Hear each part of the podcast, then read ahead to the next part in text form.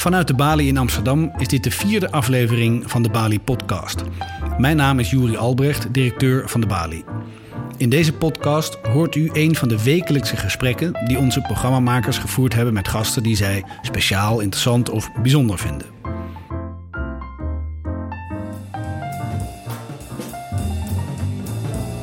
En in deze aflevering praat onze redacteur Abseline Hehakaya met de Vlaamse psychiater Lieve Tienpont over het zelfgekozen levenseinde van jongeren die ondraaglijk psychisch lijden. Over wat goed psychiaterschap behelst, wat ons mens maakt en over haar vaak jonge patiënten die door ondraaglijk psychisch lijden kiezen voor een zelfgekozen levenseinde. Dr. Tienpont is tevens te zien in de Vice-reportage Too Young to Die. En hier is dus Abseline Heakaya in gesprek met Lieve Tienpont live vanuit de bar. Hoe is voor u als psychiater ehm, de, de kwestie begonnen dat u besloot patiënten te begeleiden bij ondraaglijk psychisch lijden en ook hun euthanasieverzoeken in te willigen? Dat is niet, eigenlijk, dat is niet echt een, een beslissing geweest. Hè. Misschien belangrijk om te situeren dat ik, uh, vooraleer ik psychiater geworden ben, eerst een uh, uh, therapeute was in de cliëntgerichte benadering. Waar eigenlijk het, het luisteren, het, het empathisch luisteren naar de patiënt, de cliënt centraal staat. En van daaruit, denk ik, ben ik heel erg geprikkeld geweest om te kijken welke noden patiënten aangaven. Um, ik moet zeggen dat ik altijd heel erg getroffen was door mensen, patiënten, die lange tijd worstelden met een doodswens en er uiteindelijk zelf een eind aan maakten. En dat was de periode nog in het begin van uh, mijn opleiding eigenlijk, dat ik toch wel heel veel mensen, of toch een aantal mensen uh, heb ontmoet die, die toen al hulp vroegen. Ik spreek dan van de jaren 80 en 90. En die we eigenlijk niet konden helpen. Die we met man en macht alleen probeerden tegen te houden om een volgende suïcidepoging te doen. Het was dan eigenlijk ook helemaal niet uh, aan de orde om er veel over te spreken. De dood en de doodswens werden sowieso buiten het gesprek gehouden. Waardoor dat uh, blijkt nu, uh, achteraf, ben ik meer en meer gaan begrijpen hoe mensen zich daardoor compleet onbegrepen voelde. Zelfs niet gehoord voelde. Helemaal ook niet begrepen in hun, hun lijdensdruk. Ik herinner me bijvoorbeeld een vrij jonge vrouw die uh, toen ik in opleiding was in, uh, in het ziekenhuis elke avond aan de deur zat om te vragen van uh, wil je mij nu helpen om te sterven? Ik kan dit niet verder. Ik kon dit niks doen zover ik weet, is geen enkele collega tot uh, daadwerkelijke hulp overgegaan. En die vrouw is uiteindelijk, die jonge vrouw is uiteindelijk van een brug gesprongen. Ik vertel dat om te zeggen dat dit heel erg bij mij binnengekomen is en is blijven hangen. Dan uh, had ik een vraag van een jonge vrouw ook, met dezelfde vraag om te helpen bij sterven. Dat was kort voor de wet. En uh, dan is eigenlijk die wet gekomen. En dat is de eerste vrouw hè, die mij heeft uh, ertoe aangezet om, om het echt te gaan onderzoeken van, is dit nu een optie of niet? Een ander zeer belangrijk moment voor mij is geweest, een, uh, een man die ik jaren begeleid heb en die dan uiteindelijk ehm, zich verhangen heeft in een stalletje bij het huis, bij zijn huis.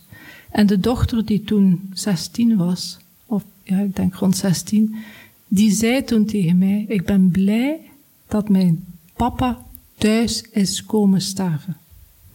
Waar, waarop dat de moeder zei: uh, Ik had veel liever zijn hand kunnen vasthouden en hem bedanken. En dat is voor mij een keerpunt geworden. Ik vind het opvallend dat u zegt: um, ik kon mensen voor 1995, toen de wet werd ingevoerd, kon ik ze eigenlijk nog niet helpen. En daarna, toen euthanasie mogelijk werd, kon u ze wel helpen. Waar bestaat die hulp dan precies uit? Wat bedoelt u daarmee? Die hulp is vooral, denk ik, die de patiënt au serieus nemen. Hè, au serieus nemen in zijn doodswens.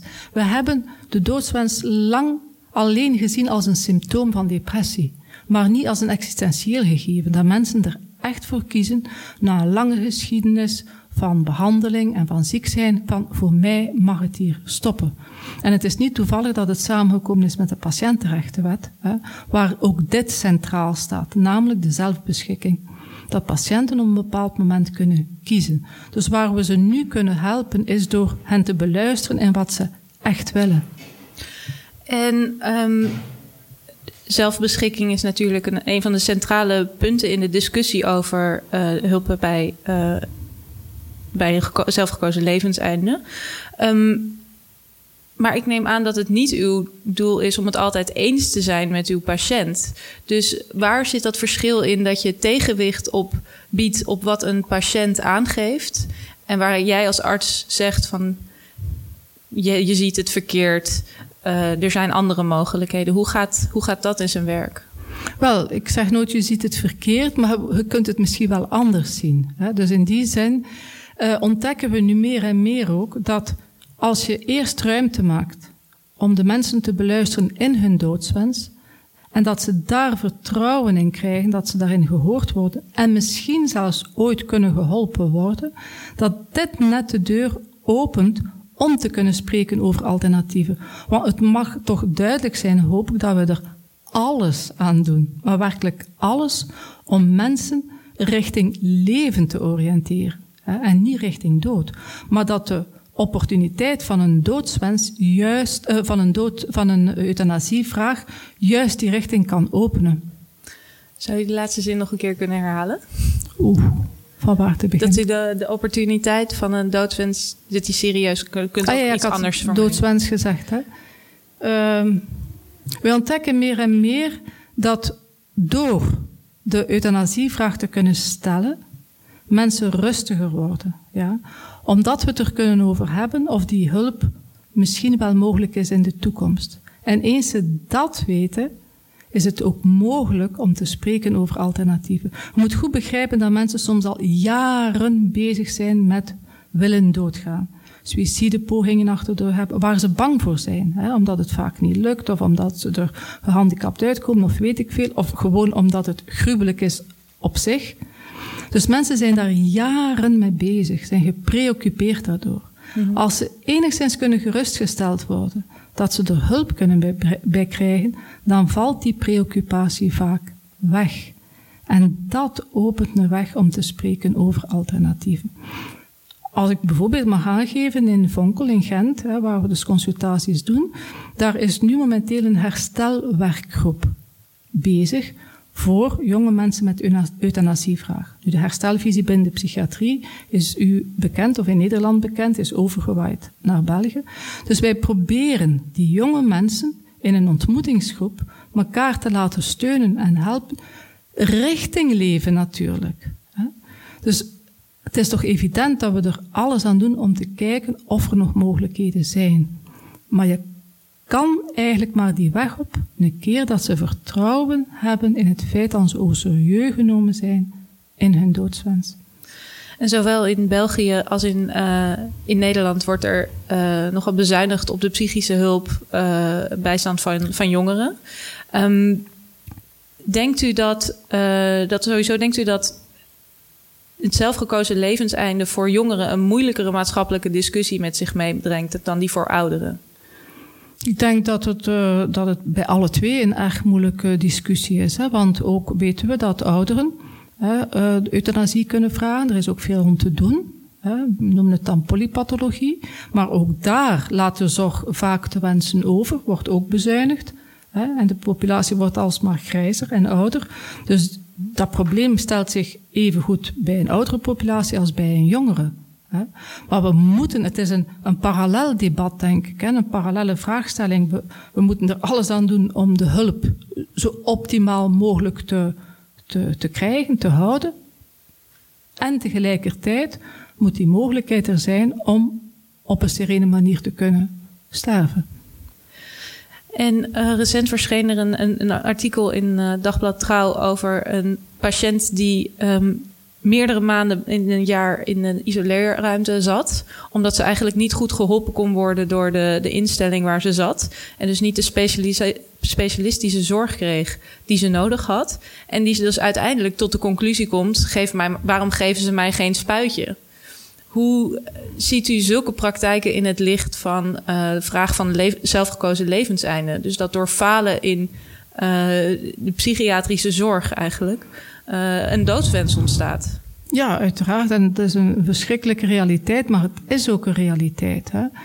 Uh, als je bijvoorbeeld het boek uh, Hoe je van een klaproos een monster maakt van Amy de Schutter leest, hè, dan zal je zien dat dat echt een reëel probleem is.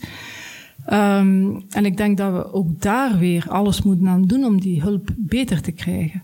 Hè? Maar dat neemt niet weg dat iemand die al 10, 20, 30 jaar in behandeling is en misschien niet de meest optimale behandeling gekregen heeft en bij ons komt aankloppen en we dan toch nog proberen een, een alternatieve behandeling uh, aan te bieden, dat die mensen vaak aangeven dat ze het niet meer willen. Hè, dat het moet stoppen, dan ze niet meer kunnen eigenlijk. Hè. Dat is een groot probleem.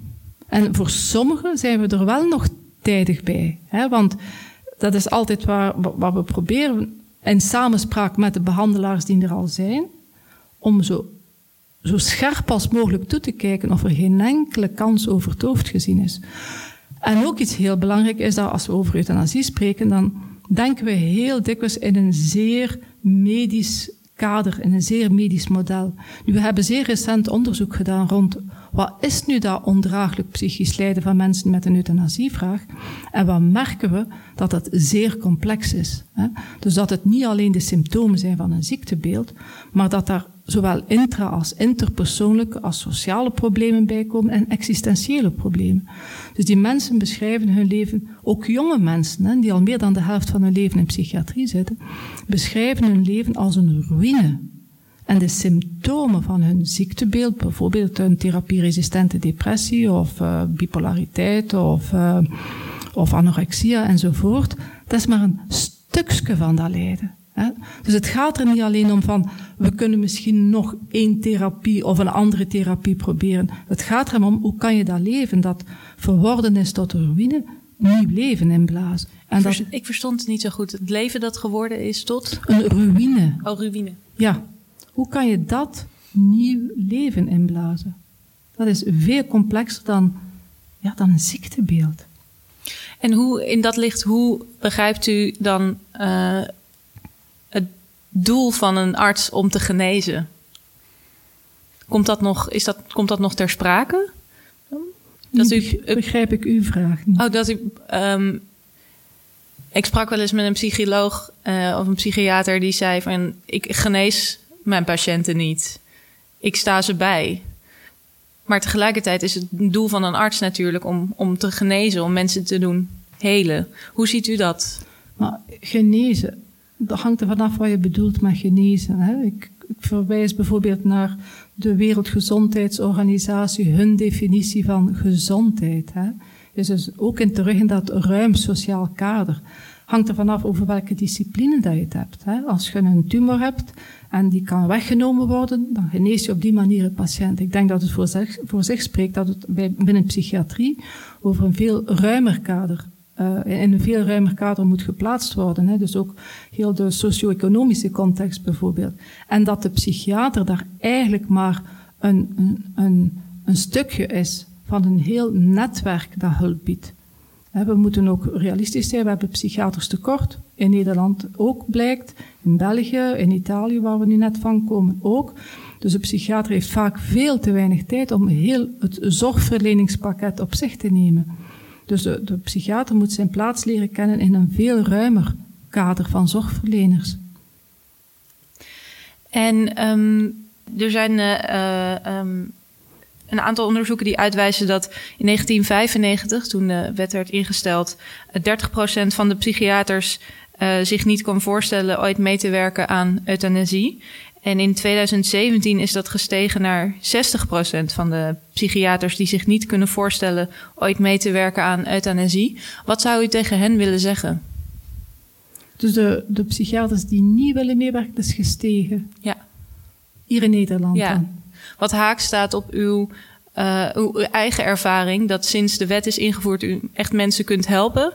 Zijn eigenlijk uh, is de weerstand vanuit psychiaters uh, tegen het meewerken aan, uh, aan euthanasie is, is gestegen?